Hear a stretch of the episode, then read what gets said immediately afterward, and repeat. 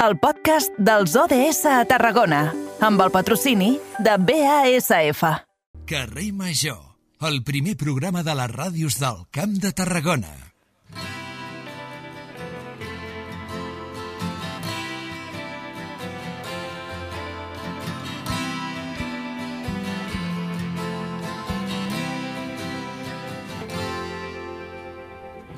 Assegut al costat d'un llit ella es mira d'una capsa cansada de guardar fotografies. Les mirades dels nens que... I el que primer farem és obrir la mirada cap al 2030. Arriba el moment d'obrir aquesta agenda plantejada per la ONU, els ODS, els Objectius de Desenvolupament Sostenible, i com cada tarda nosaltres ens comprometem a conèixer iniciatives que promouen l'agenda verda sostenible i millorar aquesta, aquest món. De fet, avui ens centrarem en l'ODS número 3, que ens parla de salut i benestar, perquè des de l'Art Servei s'ha commemorat el 25N entre la gent gran. I volíem conèixer com va eh, com es va viure tota aquesta jornada. Per això donem la benvinguda a la gerent d'Art Serveis, Jerusalem Torra. Jerusalem, bona tarda i moltes gràcies de nou per ser aquí amb nosaltres. Bona tarda, no? i gràcies a vosaltres per comptar amb nosaltres. Com es va viure aquesta jornada del 25N, aquesta commemoració? Bueno, mm, la vam posar una miqueta en majúscules, nosaltres ja treballem amb el sector de la gent gran, nosaltres ja fa molts anys que fem moltes campanyes envers el maltractament de les persones grans i especialment amb aquest col·lectiu que són les dones grans, les grans dones, les dones majors de 65 anys, aquestes dones invisibilitzades. Uh -huh.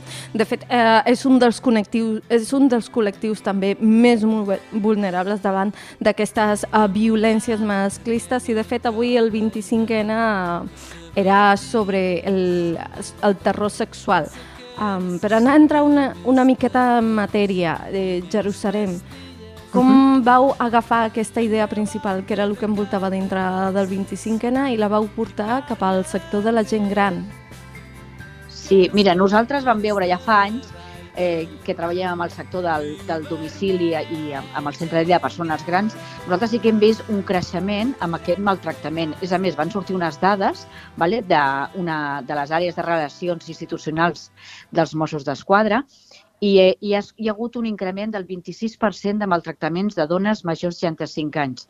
Aviam, és, és per... Mm, et posa els pèls de punta, però és això. Nosaltres durant la pandèmia és quan s'ha patit més. Vosaltres imagineu les persones aquestes grans vale, que han estat confinades amb el seu maltractador. Aquest perfil són aquestes dones que són invisibilitzades, que moltes vegades no reconeixen que pateixen un maltractament perquè sempre acostuma a ser amb el seu entorn més proper eh, per exemple, el marit, a moltes vegades també el fill, que por i vergonya eh, o per dependència econòmica o emocional, aquesta gent moltes vegades no denuncien. En rares ocasions acostuma a denunciar una, una dona gran aquest maltractament que està patint amb el seu dom, propi domicili. Uh -huh.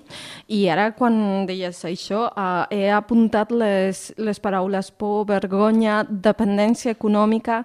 Clar, quan la víctima no vol um, denunciar, quin és el procediment d'actuar? Com, com el, li podem ajudar?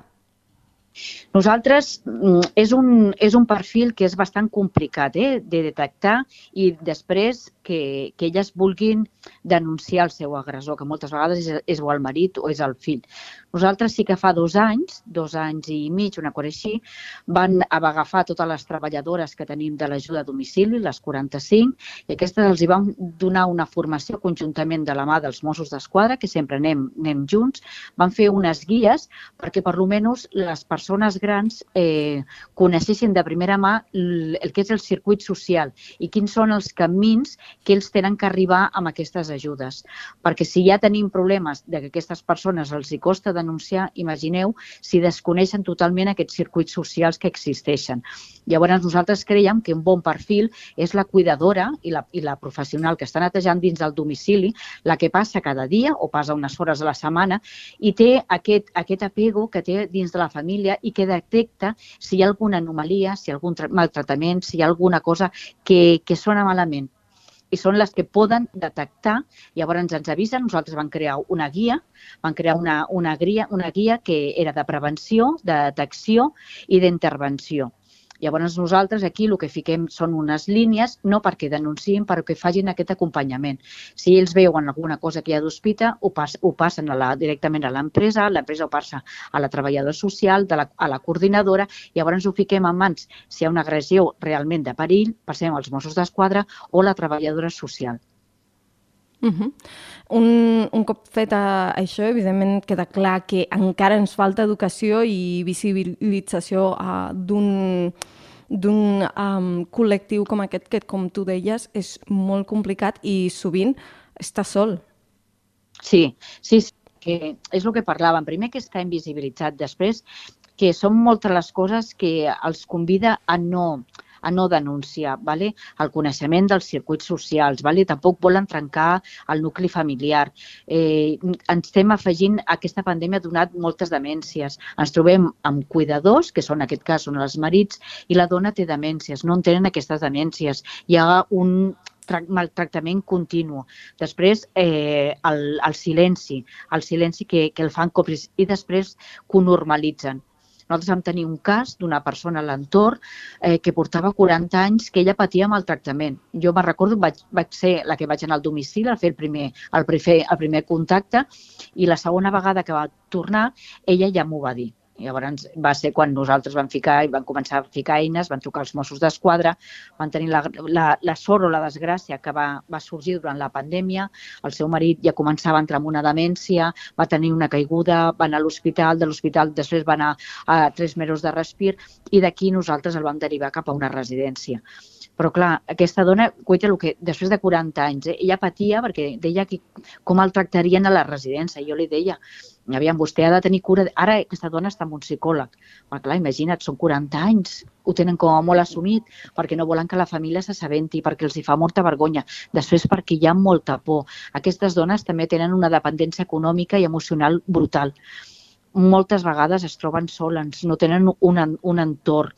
Vale? i el paper tradicional del, del gènere. Et trobes amb dones de 78 anys que han agafat aquest, aquest rol i jo haig de denunciar el meu marit és durillo, eh? És durillo, eh?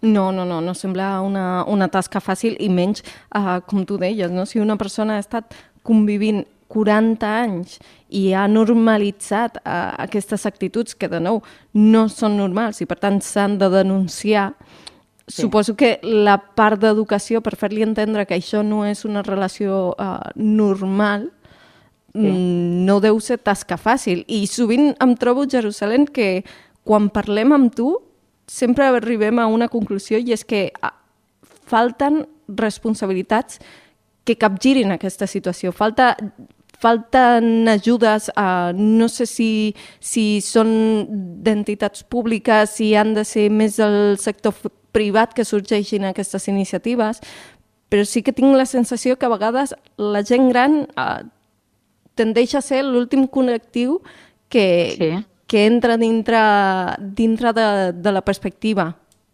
Sí, sí, sí, és que ja, ja t'ho dic ara, és que falten moltes ajudes, ajuda econòmica a aquesta dona. Quan marxa, si deixés el marit, quina aportació econòmica com viuria. Falten pisos en, en, en serveis que puguin donar acollida, perquè moltes vegades, com que no hi ha puestos, marxen cap a una residència. Jo crec que falten molts protocols, moltes guies d'actuació.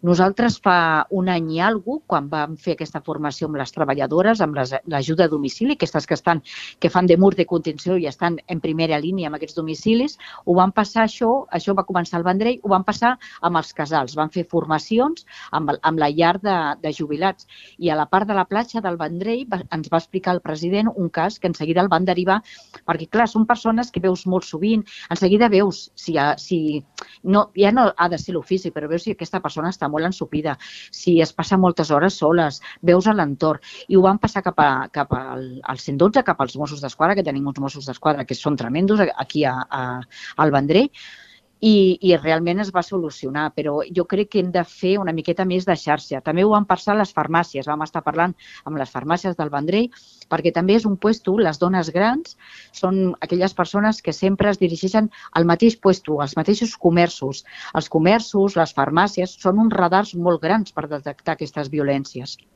Uh -huh. la, la rutina que sovint uh, agafen és també sí. una, una bona forma de, de contactar amb aquestes persones. Jerusalem, també et volia agafar la, aquesta idea de fer xarxa. Nosaltres també uh -huh. parlem amb molts col·lectius eh, eh, feministes. Els darrers, per exemple, són Cau de Llunes o també l'Hora Violeta. A l'hora de treballar uh -huh. aquesta xarxa, aquesta part feminista, eh, és fàcil contactar amb aquestes entitats? Eh, us ajuden? Sovint trobeu sí, que els no, hi falta o sigui, educació no, no, sobre això? Sí, jo les coneixo, eh, aquestes entitats, i, i realment que funcionen i fan molta, molta tasca, eh, sobretot amb els joves. Però en la part del col·lectiu gran és que és molt més difícil. Jo trobo que contra menys gent ens impliquem millor, perquè jo t'ho dic que les, les dones grans tenen molta por i ho tenen com a molt callat i contra menys gent ho sàpiga millor saps? És, és, és que és un col·lectiu bastant complicat perquè moltes vegades ens hem trobat que no ens adonem que hi ha algun tipus de maltractament quan portem vuit mesos en aquest domicili, perquè la dona ho acostuma a tapar moltíssim. I després no, que no. l'entorn, jo que m'agradaria que sí, sí que s'impliqués una miqueta més la, la comunitat, a l'entorn, perquè no oblidem que el nostre silenci ens converteix en còmplices. La gent té molta por això de denunciar i, moltes, i els Mossos d'Esquadra, quan fan la xerrada, ens ho expliquen, que moltes vegades es pot fer per telèfon i, i que es pot fer que no s'ha de saber el nom. D'acord. Eh, és que crec que no puc afegir res més que proximitat. Som humans, podem parlar amb les persones que veiem sovint i si de nou ens trobem amb una actitud que no és normal, denunciar, informar i sobretot I fer costat a la víctima és el mínim que s'ha de fer. Un bon acompanyament, i tant que sí, i tant. Queda dit, uh, gràcies de nou un cop més Jerusalem per participar en aquest programa. Jerusalem Torra, que és la gerent d'Art Serveis, amb qui cada 15 dies parlem per conèixer com s'estan treballant aquests ODS en la gent gran i també per donar a conèixer eh, quina és la situació de la nostra gent gran aquí al Camp de Tarragona. Moltíssimes gràcies, Jerusalem. Gràcies a vosaltres, com cada dues setmanes. Gràcies. El valor del Camp de Tarragona. Carrer Major.